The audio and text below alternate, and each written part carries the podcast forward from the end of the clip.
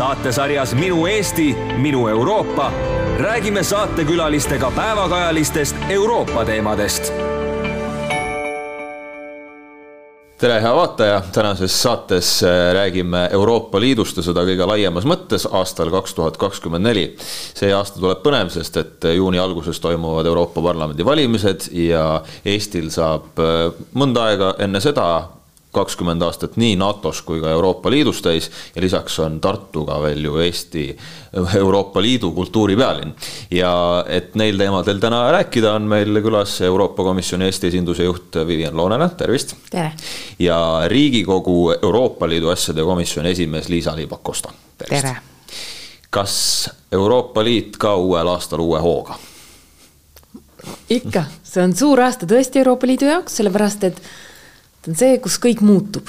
meil on nüüd paar, loetud nädalad alles tegelikult, kuni Euroopa Parlament läheb oma siis kampaaniat tegema märtsis, kui peab leppima kokku kõik sellised seadusandlikud failid, jätkub kogu see Ukraina toetamine väga olulisena, komisjonist tulevad veel välja mõned algatused, näiteks kaitsetööstusstrateegia ja uued äh, kliimaeesmärgid aastaks kaks tuhat nelikümmend, aga siis tuleb see kõige põnevam osa ehk valimised ja pärast seda otsustatakse siis alguses, kes on need tippjuhid, uued tippjuhid, Euroopa Komisjoni president, ülemkogu president, kõrge esindaja välispoliitikas ja Euroopa Parlamendi president.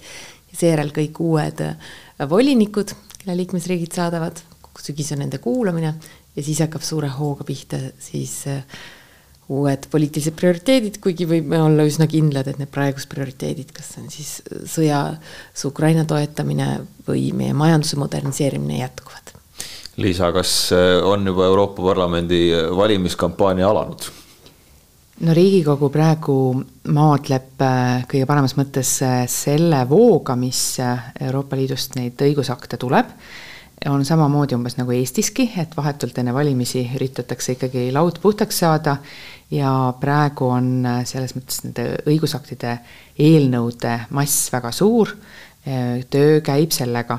ma arvan, et Eestis algab see valimiskampaania vast äh, siis, kui mujalgi riikides aktiivselt pihta, märts, aprill on ilmselt selle niisuguse aktiivsema kampaania algus, kui on ka nimekirjade esitamine võtame nüüd äh, värskematest sündmustest kuidagi, kuidagi riburada pidi ette, aga lähme kõigepealt korra eelmise aasta lõppu, kui äh, Moldova ja Ukrainaga äh, tuli siis see teade, et alustatakse Euroopa Liidu liitumisläbirääkimisi. kui üllatav teile see oli, et näiteks Ungarist sõideti ikkagi noh, piltlikult öeldes üle?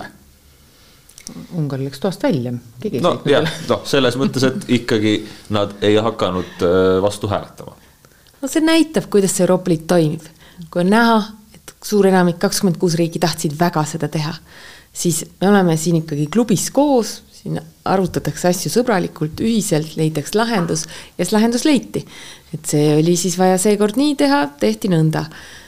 Äh, selles osas see üllatus, üllatus, noh, mina olin küll päris kindel, et äh, need valitsusjuhid jõuavad selle otsuseni, sest see on nii tähtis ajalooline moment kui Zelenskõi viiendal päeval pärast täiemahulise sõja algust kirjutas alla sellele avaldusele saada Euroopa Liidu liikmeks, siis see tundus, et no kas sealt hakkab tulema, kas see läheb.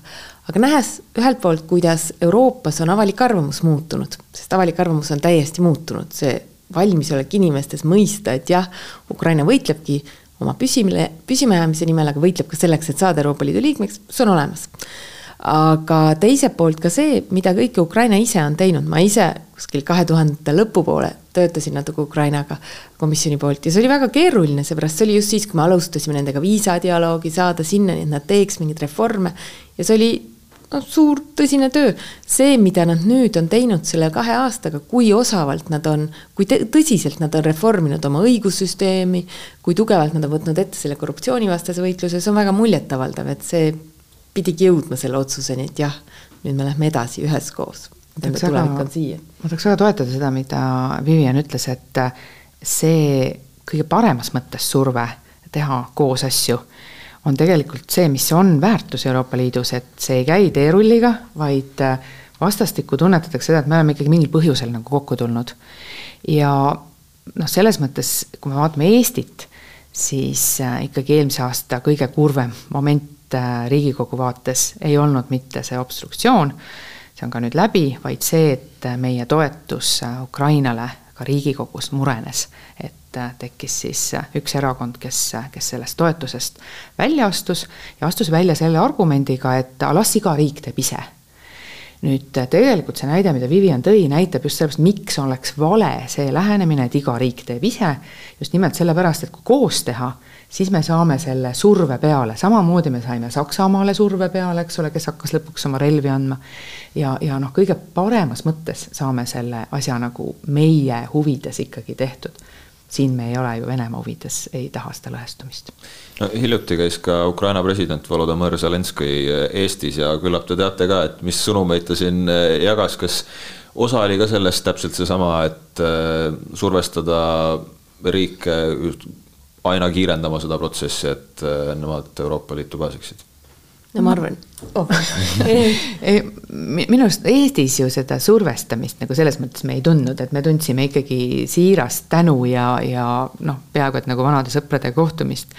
et äh, pigem on ikkagi ju see, et äh, meie Eestis iga kord, kui me väljas käime, äh, siis me igal võimalikul juhul peaksime selgitama ja rääkima teistele inimestele siis meie riigipiiri taga, miks Ukraina toetamine sõjas on oluline, miks on see kaitsetööstuse pakett ja kaitsetööstuse arendamine Euroopa Liidus oluline, et meile on see arusaadav, et kaitsetööstuse arendamine on oluline ja Eesti on seda väga jõuliselt ka vedanud, seda kaitsetööstuse arendamist Euroopas. aga kui sa lähed lääne poole, siis seal juba on seda arusaamatust nagu palju rohkem, et siin on ma arvan, see oli nagu julgustus ka meile edasi, et me ikkagi igal sammul seda teeksime, seda Ukraina ja, ja Moldova ja teiste riikide muret ja eriti seda sõjamuret räägiksime aga siiski seesama Ungari. Äh,, täpselt äh, neil hetkedel, kui äh, Ukraina selle heakskiidu sai, siis teistelt liikmesriikidelt, sest et Ungari jättis äh, hääletamata, siis siiski anti ka Ungarile need kurikuulsad kümme miljardit vabaks. Ja ikka spekuleeritakse sellest, et need on üks-ühele omavahel seotud, kuidas siis on, kas on või ei ole? no ei ole, sellepärast et see Ungari taastekava raha, see on olnud samamoodi või see siis sel puhul oli see äh, struktuurifondide raha, seal oli tingimuslik pea, tingimuslikkus peal. seepärast selle uue eelarveperioodi, mis käib siis aastast kaks tuhat kakskümmend üks, see uuendus on see, et õigusriigi korraldus peab riigis olema korras.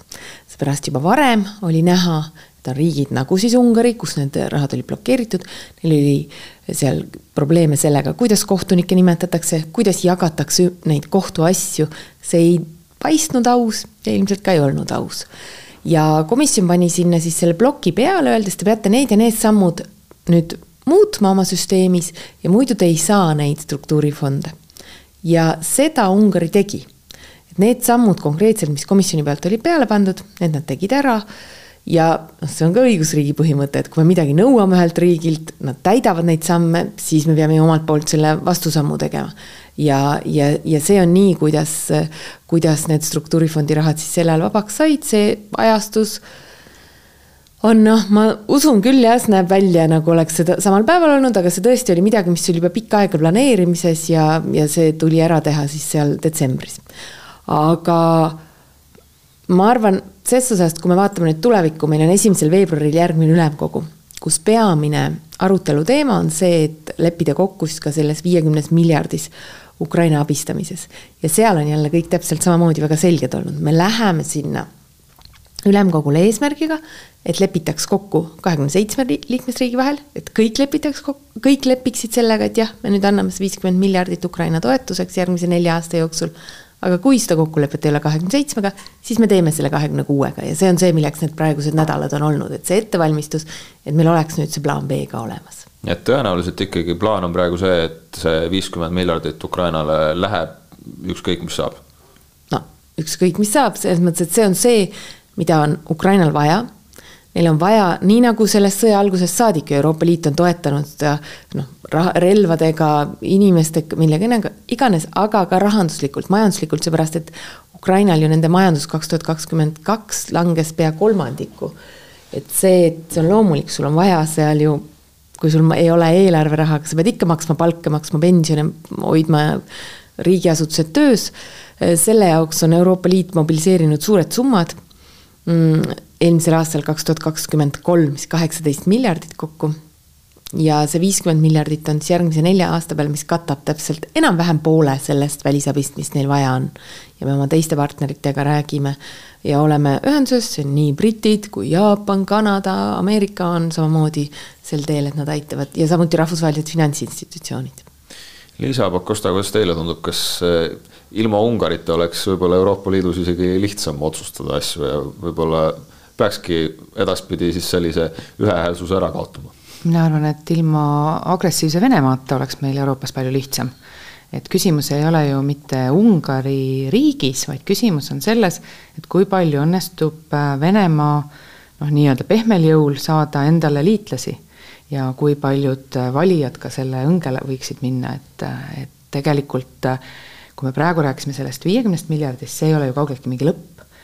Nüüd need Euroopa Parlamendi valimised, mis siis suve alguses on, need tegelikult määravad Eh, ära järgmise seitsme aasta Euroopa Liidu eelarve prioriteedid, selle, kuidas Euroopa Liit eh, tegelikult valmistub Ukraina vastuvõtmiseks Euroopa Liitu, kuidas tegelikult siis suudetakse realiseerida ka neid kaitseplaane, kaitsetööstuse plaane, ehk et kahekümne, tuhande kahekümne viienda aasta veebruaris me juba näeme järgmise eelarveperioodi ettepanekuid ja nüüd need inimesed, keda valitakse Äh, suve alguses, on need, kes tegelikult selle järgmise seitsme aasta, selle tegeliku liitumise, tegeliku Euroopa Liidu idapiiri kindlustamise, mida meil on tohutult vaja, kes siis selle nagu paika panevad.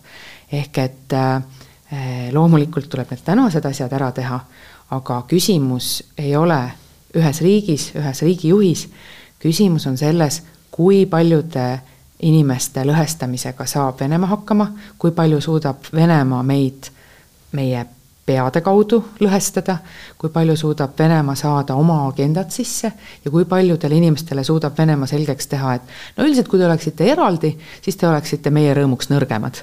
et noh, see on nagu see koht, kus on tegelikult see tuum.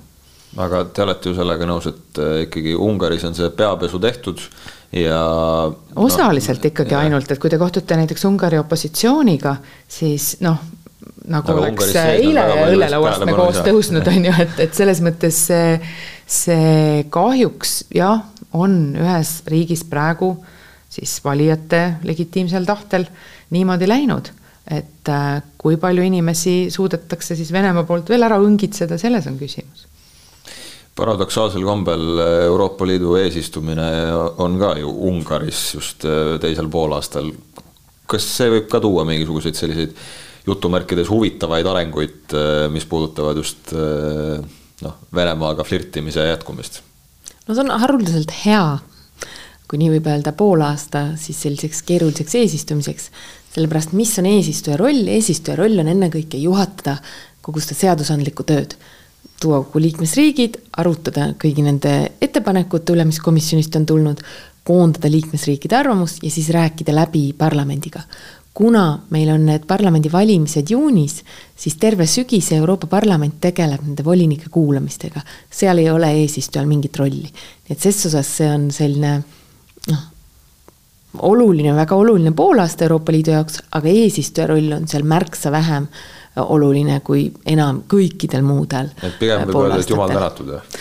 noh, kuidagi on niiviisi sattunud Nad on muidugi avalikult ikkagi lubanud, et nad teevad seda väga korralikult ja Euroopa-meelselt, et et noh, me ei saa samastada nagu ühe erakonna juhte terve riigiga ikkagi, üldiselt äh, ma saan siiski aru siis, et äh, Euroopa Komisjon, Euroopa Liit, äh, noh, kõik need struktuurid on ikkagi võtnud juba selle seisukoha, et olgu, las see Ungari ajab seda oma rida, meie teeme oma asja ja küll kõik tehtud saab. no see Euroopa Liit on ju vabatahtlik riikide ühendus riigid tulevad kokku selle jaoks, on tulnud kokku, on ühinenud, kas riigis Ukra-, või vabandust, seal Ungaris oli ka referendum ennem liitumist, jah, me tahame saada Euroopa Liidu liikmeks, sellepärast see on meile kasulik, me oleme suuremad ja tugevamad, kui me oleme seal koos. ja see on ka see loogika, miks need riigid ei aruta midagi, esiteks sealt ei ole ette nähtudki, ka leping ei näe ette mingit väljaheitmist, aga see on ka selle poliitilisel, poliitiline loogika selles, kuidas riikide omavaheline koostöö seal toimib. Igas asjas leitakse mingi kompromiss, leitakse mingi lahendus ja seda me ju näeme. Kõik need kaks aastat, pea kaks aastat sõja algusest saadik, kõik need esialgu uskumatuna näivad asjad, sanktsioonid äh,, Ukraina põgenike siia äh, lubamine ja nende sellise õigusliku olukorra heakskiitmine, kaubanduspiirangute absoluutne leevendamine, kõik need asjad on ju kokku lepitud. et selles mõttes seal on, alati on palju juttu selle üle, millised on need valukohad, aga vaatame, mis need tulemused on, on see, et need kõikides asjades on kokkulepe leitud. see, see mure on võib-olla selles mõttes natuke laiem, et äh, Ungari käsitleb äh, Euroopa Liidu laienemist nagu bilateraalset asja, et noh, et meil on Ukrainaga vot need mured ja meil on vot need mured. et äh, siin tasub meenutada lähiajalugu, noh, tegelikult ikkagi Eesti liitumine Euroopa Liiduga on olnud edulugu, et meie oleme võitnud ja teised on ka võitnud, et, et see on näha meie kõikidest näitajatest, et, et me oleme noh, alguses me saime raha üks neljale, no praegu me saame üks kolmele, no kõik on nagu hästi tulnud. ja, ja kui Eesti liitus, tuletame meelde, mäletate, soomlased, meie kõige lähemad naabrid, eks ole, Euroopa Liidust, nad olid väga murelikud küll neil oli sada asja, noh, mis nad oleks võinud nagu nii-öelda bilateraalselt Eesti vastu panna, samamoodi nagu Ungari üritab praegu siis Ukraina vastu panna. aga Soome poliitikud olid niivõrd targad, et nad said väga hästi aru, et see ei ole nagu Soome-Eesti läbirääkimine siin praegu, vaid see on mingi asi, millest me kõik võidame, et Soome riik võidab ilmselgelt sellest, kui tema lõunanaaber on tugev, strateegiliselt hästi kaitstud, äh, majanduslikult arenev äh, riik, et sellest võidab iga Soome inimene, Soome poliitikud said sellest väga hästi aru. ja see, et nad tulid välja sellest bilateraalsest läbirääkimisest, kuigi noh, elektrituruga me siiamaani, eks ole, meil nagu noh, nagu läheb ja aga, aga see, see, see, see näitas seda ära ja näi-, võiks nüüd näidata Ungarile ka, et sellest ainult on Ungari inimestel võita, kui Ukraina liitub sellest ei ole mitte midagi kaotada jõuame rääkida veel kindlasti ka sellest eh, samast Euroopa Liidu toetusest ja Eestil ju saab ka kakskümmend aastat kohe täis, aga eh, Vivian, mainisid sanktsioone. nüüd eh, kahe tuhande kahekümne kolmas aasta tõi juba märksa vähem sanktsioonipakette Venemaa vastu kui kahe tuhande kahekümne teine. kas siiski need paketid nüüd tulevad ka sel aastal, on midagi sellist suuremat oodata või siiski see rong on vaikselt juba äh, kiirust äh, kinni pidamas? kõigepealt peame vaatama, kuidas, mida me oleme teinud seni. me oleme teinud kõige suuremad sanktsioonid, mis kunagi Euroopa Liidus on võetud. me oleme blokeerinud absoluutselt, kui mõtleme transporti, lennundus, raudteetransport, veoautod, blokeeritud, kül-, varad külmutatud, Vene keskpanga varad mobiliseeritud, ei saa neid kasutada mis on olnud hästi oluline, on kogu selle strateegilise kauba ja elektroonika äh, keelustamine. nii et, ja seda on veel nii palju, me oleme nii palju teinud ja pankade väljaheitmine SWIFTist, mis iganes. kuidas see toimib, on nõnda, et liikmesriigid lepivad Brüsselis, Euroopa Liidus kokku need sanktsioonid, aga siis see täitmine käib koha peal.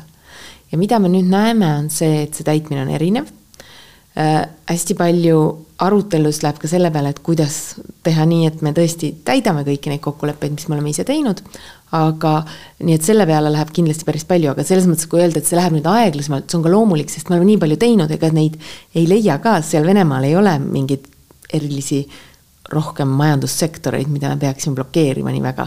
me oleme lõpetanud ära kõik ekspordi, mis puudutab relvatööstust, kogu strateegilist tööstust ja energeetikasektorit, mis on kõige olulisem see on see, kust nad varem oma raha said, siin ei ole, nende kõik need, ma ei tea, nafta- ja gaasiväljad ei ole kaks aastat kuhugi arenenud ja, ja ei arene ka järgmised, ma ei tea, mis aastad, nad on tagasi, lähevad ajas tagasi, sellepärast et nad ei saa neid või nad peavad lootma ainult Hiina ja ma ei tea, Põhja-Korea, eks ole, seadmetele. et see on teinud, see on küll teinud selle Venemaa olukorra palju raskemaks, lihtsalt nad kannatavad rohkem ära, kui võib-olla me mõtlesime esimese hooga. aga sanktsioonide osas see läheb kindlasti edasi, kogu aeg tuleb juurde ka uusi neid nimekirju, kas äh, ametnikest, oligarhidest, isikutest, kes teevad mingeid äh, kuritegusid või, või muid, muul moel aitavad sellele sõjale kaasa. ja samamoodi tuleb neid sanktsioone erinevates sektorites, vaadatakse, mida veel annab teha. Aga suur töö on ka selles, kuidas tugevdada just seda täitmist, et liikmesriigid siis peaks kinni ja et ka Venemaaga piirnevad riigid peaks kinni, sest me oleme Euroopa Liidus pannud paika sellise sanktsioonide eriesindaja, kes siis käib ja räägib, samamoodi teevad ameeriklased, käivad Kaukaasias, Lähis-Idas rääkimas just nende naaberriikidega, et ka sealtkaudu ei läheks siis need asjad, mis on sanktsioneeritud Venemaale. Liisa, mis oleks kuna teie erakonnakaaslane on äh, välisminister, küllap te olete selle üle ka omajagu arutelusid pidanud, et mis on need äh, Eesti järgmised äh, sammud, mis võiks olla siiski meie ühine eesmärk, mida me tahame viia Euroopa Liitu laiemalt, et just ka need sanktsioonid veel Venemaale kõvemaks läheksid? Eesti on eestvedaja ju päris mitmes olulises teemas, alates nendest äh, külmutatud varade kasutusele võtmisest Ukraina toetamisel. me oleme välja töötanud siis sellise õigusliku raamistiku, kuidas seda saaks teha ja sellel läheb ähm, kõige paremas mõttes üllatavalt hästi tegelikult äh, Euroopas. Et äh, teine koht, kus me oleme Eestina olnud eestvedajad, on tõesti see kaitsetööstuse arendamine kaitsetööstuselt piirangute mahavõtmine, et ajaloolistel põhjustel või lähiajaloolistel põhjustel on Euroopa Liidus olnud see eh, kaitsetööstus noh, ütleme sellise väga suurte piirangute all, et teda on püütud nagu nagu kuskile nurga taha või laua alla ära peita, et, et justkui meil ei läheks seda enam kunagi vaja.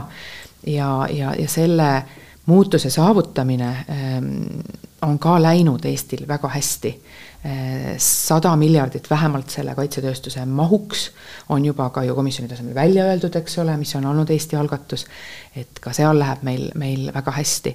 me oleme ka väga tugevalt nõudmas õigusriigi kehtestamist, õigusliku kontrolli kehtestamist sõjakuritegudele.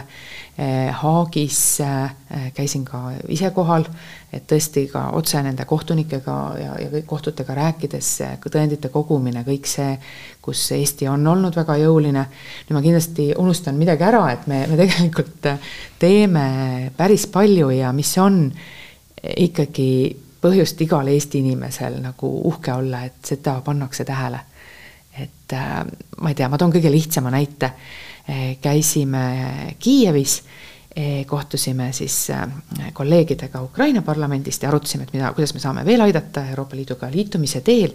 ja siis, kui äh, rongiga tagasi tulime, siis äh, seal seda teed seal vanemad inimesed mäletavad, et on kupeevagun ja seal on selline tee teed sa saad osta ainult sularaha eest, noh, meil ei olnud seda sularaha. aga kui vagunisaatja, niisugune vanem härra, kuulis, et me oleme Eestist, siis ta tegi meile selle tee kohe välja. et see ei ole ainult see, et poliitikud nagu vastastikku viisakalt üksteist nagu kiidavad, vaid see vagunisaatja, kui ta kuulis, et me oleme Eestist ja et noh, et meil ei ole praegu seda münti, siis ta tuli, et noh, ütles, et ahah, Eestist, siis siin on teie tee, palun. Mm.. et noh, see nagu näitas kõige südamlikumalt seda, et tegelikult ka lihtsad äh, Ukraina inimesed seal Ukrainas kohapeal saavad aru seda, mida me oleme teinud räägime Euroopa Parlamendi valimistest ka, juuni alguses päev tuleb, ma vaatasin, kaks tuhat üheksateist aasta oli kolmkümmend seitse koma kuus protsenti valimisaktiivsus ja eks ta sinna kolmekümne, neljakümne protsendi kanti kogu aeg jäänud on ka, aga mis te arvate, miks see valimisaktiivsus ikkagi noh, suhteliselt madal on võrreldes kõikide teiste äh, valimistega ka kakskümmend aastat peale Euroopa Liitu astumist? Selle üle nuputavad ka teised riigid, et seal otsustatakse ju tegelikult tohutult suuri asju, selle äh, Euroopa Parlamendi saadiku mõju tegelikult Eestile on palju-palju suurem kui näiteks Riigikogu liikme, ühe Riigikogu liikme mõju Eestile. et äh, see, kui meie saadik on äh, seal sõna võtmas, juhtimas mingit teemat, noh, selle mõju on tohutu. ja, ja võib-olla on olnud seda keeruline selgitada. nüüd minu arust ei ole nende valimiste suurim hirm ilmtingimata mitte see madal valimisaktiivsus, mis on muidugi alati probleem, vaid ikkagi see, et kas me suudame vältida nende võltsitud äh, Ähm, siis äh, noh, nimetatud deepfake'ide või võltsitud äh, videote, piltide, häälte ja kõige selle levikut, millega ilmselgelt püütakse seda Euroopa Parlamendi valimist mõjutada. see on üle-euroopaliselt äh, siis kõikidest küberohtudest nagu teise koha peal üldse. et, et väga suure tõenäosusega Venemaa ikkagi püüab mõjutada neid valimisi, see on faktiliselt juba ju tõendust leidnud ja, ja, ja see, kuidas me suudame siin seda tarkust hoida, et me ei lähe selle õnge kuidagipidi, kui, kui ähm, noh, see, see on vast kõige suurem mure valimisaktiivsus muidugi, tulge kõik valima, aga, aga, aga see esmakordselt me oleme tegelikult ühe hästi suure teise mure ees. aga üldiselt ikkagi see Euroopa teemad vist lihtsalt jäävad inimestele kaugeks või? ei, ma, ma, mina tegelikult niimoodi ei, ei ütleks, et äh, käisin just äh, kohtumas Jõgeval äh, siis äh, äh, eakatega ja teema oli Euroopa Liit ja tegelikult inimestel oli nii palju küsimusi. ja pärast nad olid nii rahul ja ütlesid, et äh, vot väga hea, et nüüd me saime nagu sellest aru ja sellest aru ja sellest aru, et minu arust ei ole mitte inimeste huvi vähene, vaid me ise oleme vähe rääkinud ja me ise oleme võib-olla ka nagu kinni olnud nendes asjades, et Euroopa Liidu asjade komisjoni juhina meil on ju terve samm-sammult, me liigume suurema avalikkuse, suurema avalikustamise, suurema läbipaistvuse poole, et inimesed oleks rohkem kaasas. ja tõesti, ka Delfi kandis üle, meil oli näiteks viimane avalik arutelu oligi energiatõhususe uutest reeglitest, selle vastu oli tohutu huvi. et inimesi tegelikult need asjad huvitavad. mina küll ei tunne, et ei huvitaks mis äh, te ennustate nüüd sellel aastal, noh, kohe läheb valimiskampaania lahti, mis need teemad on, mis äh, inimesi kõnetavad, mis puudutavad Euroopa Liitu? ma arvan, see, mis me oleme näinud, mis selles mandaadis tehtud on, algas koroonakriisiga see ja me tegime tervishoid, mis ei ole isegi Euroopas selline kompetents või lepingute järgi, see on see, millega liikmesriigid tegelevad üksi aga me tegime need vaktsiinide ühishanked, sest see oli see, kuidas me tagasime, et kõik riigid saaks need vaktsiinid ühel ajal ja üldse saaks, ma ei tea, kas me Eestis võib-olla ootaks, oleks päris kaua ootanud, ma arvan, kui me oleks pidanud neid ise läbi rääkima. Edasi energiakriis, kus me tulime tugevamana välja kui varem, me oleme pannud suure hoo selle äh, rohelise energia arendamisse. Eelmine aasta, nüüd on juba kaks aastat järjest olnud, kui Euroopa Liidus on äh, tuulest ja päikesest tehtud rohkem energiat kui gaasist ja naftast. ja siis muidugi kogu sõda. Ja ma arvan, need teemad ongi noh, hea küll, see koroona on jäänud nüüd nagu minevikku juba päriselt, aga just see, et kuidas me kogu seda rohepoolt vaatame, kui kaugele minna, kuidas kiiremini edasi minna, kuidas seda teha nii, et inimesed sellega jaksaks kaasa tulla. ja teiselt poolt siis see, mis on Eestis nüüd viimase kahe aastaga väga hästi selgeks saanud, et Euroopal on väga tugev julgeoleku ja kaitse dimensioon. ja need otsused ju tegelikult, mida me oleme teinud Euroopa Liidus, kas see puudutab siis seda Ukraina toetamist rahaliselt, põgenike vastuvõtmist, Venemaa sanktsioneerimist, need on ka väga tugevalt mõjutanud seda sõjakäiku. Ma ka väga loodan, et see julgeoleku ja turvalisuse teema on number üks ja keskne teema ja et inimesed otsustavad targalt, mõeldes sellele, et mis saab meist, meie lastest. aga kui me vaatame Eestis äh, Euroopa Liidu teemat, siis tegelikult äh, sageli suhtutakse täiesti põhjendamatult halvasti, noh, et aa, Brüsselis otsustati või Brüssel surub seda peale. ikkagi järjest vaatad eelnõu eelnõu haaval, et me oleme koha peal juurde keevitanud neid asju. Ja see on väga tõsine mure, sellepärast et see halvendab äh, suhtumist Euroopa Liitu. kui me täna siin räägime noh, nendest valimisteemadest, siis ilmselgelt juhtub seda, et aa, nad tegid seda või teist või kolmandat ja siis hakkad nagu lähemalt vaatama, selgub, et see on koha peal juurde keevitatud. et äh, see hästi oluline asi oleks see, et me Riigikogus saaksime kätte selle kultuurimuutuse, et kui on Euroopa Liidu õiguse ülevõtmine, siis me võtame üle seda Euroopa Liidu õigust me tahame sinna midagi juurde lisada, kui me peame midagi oluliseks, et me tahame seda ka veel korraldada või me tahame seda ka veel muuta, siis see peab ikkagi ühiskonnas juba kehtivate reeglite järgi läbima äh, kõigepealt, eks ole, väljatöötamiskavatsuse, kus on üldse see probleem kirjeldatud, miks me seda teeme, siis on kirjeldatud erinevad alternatiivid, kuidas saaks seda kõige vähem riivamalt lahendada ja siis alles sa liigud nagu selle lahenduse enda suunas. mitte, et sa nagu pühid kõik sinna Euroopa Liidu teki alla ja ütled, et nüüd teeme ruttu ära. et, et see on võib-olla palju rohkem seda eba, tõesti ebaõiglaselt ka Euroopa Liidu mainet halvendanud. mis mulle Euroopa Liidu juures meeldib, mulle tõesti meeldib, on see, et seal on ikkagi sajad ja sajad inimesed, kes ühte asja arutavad. kui on palju inimesi koos, no tuleb hea ja tark otsus et kui on mingi lollus, siis keegi ikkagi ütleb, et see on nagu lollus. Ja, ja noh, see võetakse nagu täitsa tõsiselt ette, et kuule, et noh, see ei lähe. kui on väga palju inimesi väga põhjalikult midagi arutanud, tulevad täitsa mõistlikud mõtted. ja nüüd, kui see täitsa mõistlik mõte jõuab siis Eestisse ülevõtmiseks, et no mille paganama pärast me peame sinna nii palju juurde toppima, et noh, ei pea tegelikult, aga siiski neid euroskeptikuid kuidagi viimasel ajal on hakanud jälle juurde voolama. mis teie tunnetus ütleb? ma ei tea, mulle tundub vastupidi selles osas, et just see sõda minu meelest on teinud hästi selgeks, et kogu see jutt sellest, et me saame üksi hakkama, me ei saa, me peame olema oma samameelsetega ühes pundis ja me peame, meie huvides on, et see Euroopa Liit oleks võimalikult tugev ja toimiv. ja ma tõesti arvan, et ja seda on näha ka erinevatest arvamusküsitlustest, inimestel see arusaam minu meelest on väga selgelt äh, paigas. ja teine asi, vaatame siis, vaatame sedasama Ukrainat. Miks nad sõdivad, nad sõdivad muidugi sellepärast, et Venemaa neid ründab, Venemaa tahab neid hävitada. aga kogu riigi poliitilise juhtkonna ja kogu elanikkonna huvi on see, et kui see sõda läbi saab, kui me võidame selle sõja, siis me teeme hoopis teistsuguse, me juba nüüd oleme alustanud sellega, tuleb hoopis teistsugune Ukraina, mis saab Euroopa Liidu liikmeks. Te vaatate, Ukrainas toetus on üheksakümmend viis protsenti sellele, et nad saaks Euroopa Liidu liikmeks ja et selles osas ma arvan, seda skeptitsismi tuleb siis nagu kuidagi suhestada sellega, mis need päriselu sündmused on. ja see ei ole ju ainult, et meil on teistsugune Ukraina meil saab olema pärast Ukraina võitu selles sõjas, meil saab olema täiesti teistsugune Euroopa Liidu idapiir. see on võib-olla kõige olulisem asi, mis Eesti jaoks on tohutu oluline. ja meil on, saab olema Euroopa Liidu idapiiril riik, mis on sõjaliselt äärmiselt tugev ja väga kogenud et noh, see muudab Euroopa Liidu idapiiri meie Eesti jaoks siin täiesti teistsuguseks. nüüd, kui seda euroskeptitsismi mõelda, siis see on väga hea, kui inimene on skeptiline, see on meil ikkagi niisuguses talupojatarkuses ja see on väga positiivne. ja siis, kui sa hakkad rääkima, ahah, vaatame, mis sul see mure on no ausalt öeldes alati tuleb välja, et see on siis ka koha peal juurde mõeldud. et see ei ole nagu Brüsselist tulnud, et see on koha peal, koha peal juurde pandud. või siis, äh, kui on tõesti mingisugune asi, mis on seal, mis me oleme ka Eesti poolt lubanud reeglina sisse panna, eh, noh näiteks, et äh, sa ei või korterit välja üürida eh, juhul, kui sul ei ole energiamärgist.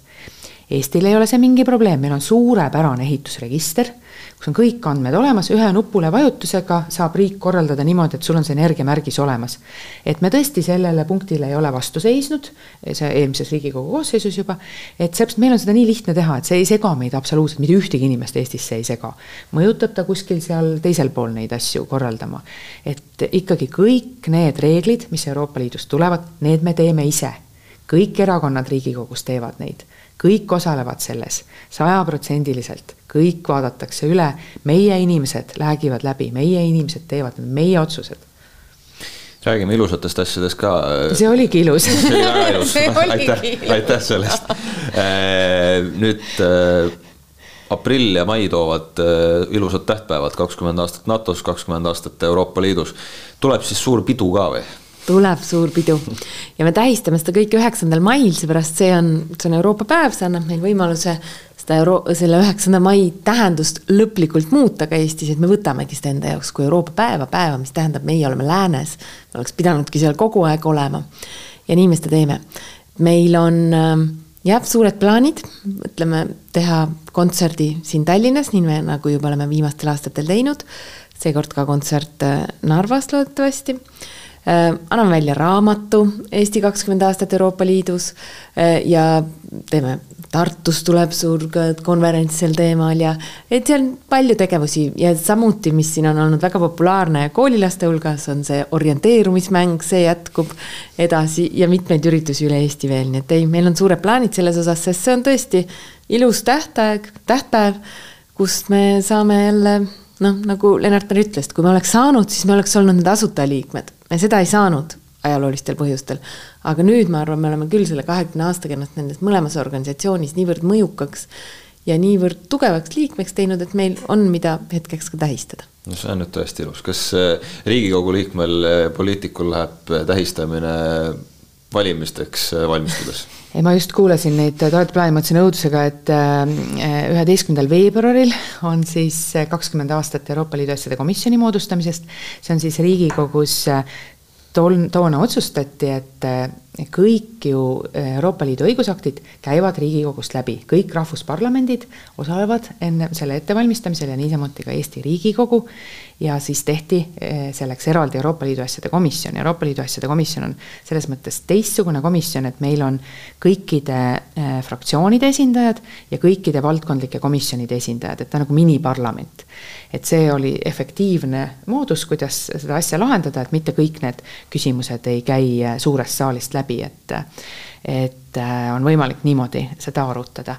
Ja selles siis üheteistkümnendal veebruaril saab äh, kakskümmend aastat, aga meil ei ole veel ühtegi peoplaani paigas, et Tuleb me oleme sellest obstruktsioonist nii kurnatud, et me ei ole peoplaane pidanud, et et äh, midagi me siis katsume välja mõelda, aga, aga jah, ilmselt me ikkagi äh, viisakalt sööme küpsist ja ja, ja ongi tehtud. minule planeerimine meeldib. no üks kõige no, varasemaid sündmusi sellest kogu reast on kahekümne kuues jaanuar ja avatakse Tartus äh, kultuuripealinn. Euroopa kultuuripealinnaks äh, nad siis kenasti seal saavad kõik, meie ka Eestis kas, kas see on tõesti nüüd mingisugune asi, mis on ka, ma ei tea, teie teadvuses või äh, mingites juttudes selline asi, et no voh, selline vägev värk, nagu kunagi Tallinn oli? on tore muidugi ja see ei ole ainult Tartus, on ju kogu Lõuna-Eesti. oleme seda ise võtnud, nii et me laiendame seda kohe kogu regioonile. ja seal on suured plaanid, väga ägedad, vaadake sisse sinna, minu meelest tundub tõesti, et seal on, seal nagunii kogu aeg toimub palju, aga nüüd on sinna palju veel uut äh, energiat juurde toodud ja mina küll väga ootan ja kavatsen seal hoolsalt äh, osaleda erinevatel sündmustel. kahekümne kuuendal jaanuaril on see avatseremoonia. kõik välismaalased, kelle, kes siin tulevad osalema, kas Brüsselist või siin kohapealsed saadikud, kõik ütlevad, kas see peab ikka õues olema kahekümne kuuendal jaanuaril. aga nii meil need Eestis asjad on. et see on õues Emajõe ääres ja ma arvan, et sellest tuleb päris suurejooneline, tore algus. ja see näitab jälle seda, Tartu, see on Euroopa kultuurihäll samamoodi nagu ta on Eesti kultuurihäll, nii et ja, ja seda energiat on tõesti tunda ja, ja see on niivõrd äge alati, et noh, tõesti, et see elu ei ole ainult Tallinnas, et see on ikkagi väljaspool ka. Ja kõiki põhjaeestlasi siis võin ma, võin ma küll kutsuda siin või võime me koos kõik kutsuda siin, et tõesti midagi igaüks sealt leiab, et et see kultuuri roll, noh, me oleme siin hästi palju Ukrainast rääkinud, eks ole, et, et võib-olla me ikkagi kõige muu selle kaitsetööstuse ja selle jutu taustal, noh, tasub ikkagi seda mõelda ka, et et kultuuri roll selles ühtekuuluvustundes ja selles, et inimesed lähevadki sinna Lõuna-Eestisse, kes on siis Põhja-Eestist, Lõuna-Eesti inimesed on seal juba, eks, et me lähe-, me oleme seal koos ja me kuulame midagi või vaatame midagi ja siis me tunnetame natuke, et see inimene, kes seisab meie kõrval et me tegelikult saame temaga tunda seda õlg-õla kõrval tunnet ja me isegi natuke tunneme, et meile meeldib võib-olla mingi sama asi. et noh, see, see tunne on see, mida meil tegelikult läheb väga vaja nii et siis äh, kahekümne kuuendal äh, me näeme külmetavaid Euroopa ametnikke kenasti seal Raekoja platsis seismas. volinik on kohal. volinik on kohal aga no. rõõmsaid Eesti inimesi, kes külmeta. küll on ka nemad rõõmsad. ilmaennustus lubab palju mahedamat kui senine talv. noh, väga meeldiv, igatahes äh, suur tänu teile täna tulemast ja jätku siis Euroopa aastale ja saab vist öelda ka kõikidele poliitikutele, et elu, edu valimistel. aitäh, jah. näis siis, mis äh, juuni, juuni alguses äh, igasugused keerdkäigud tulevad. ma loodan, et meedia ikkagi lubab seda ennem näha kui juuni alguses, mis keerdkäigud kõik on, et no, see on. karta on, et me ilmselt seda kajastame, võib juhtuda. loota on tore, suur tänu teile, suur tänu ka kõikidele vaatajatele ja kohtumiseni järgmises saates. minu Eesti, minu Euroopa saate tõi teieni Euroopa Komisjoni Eesti esindus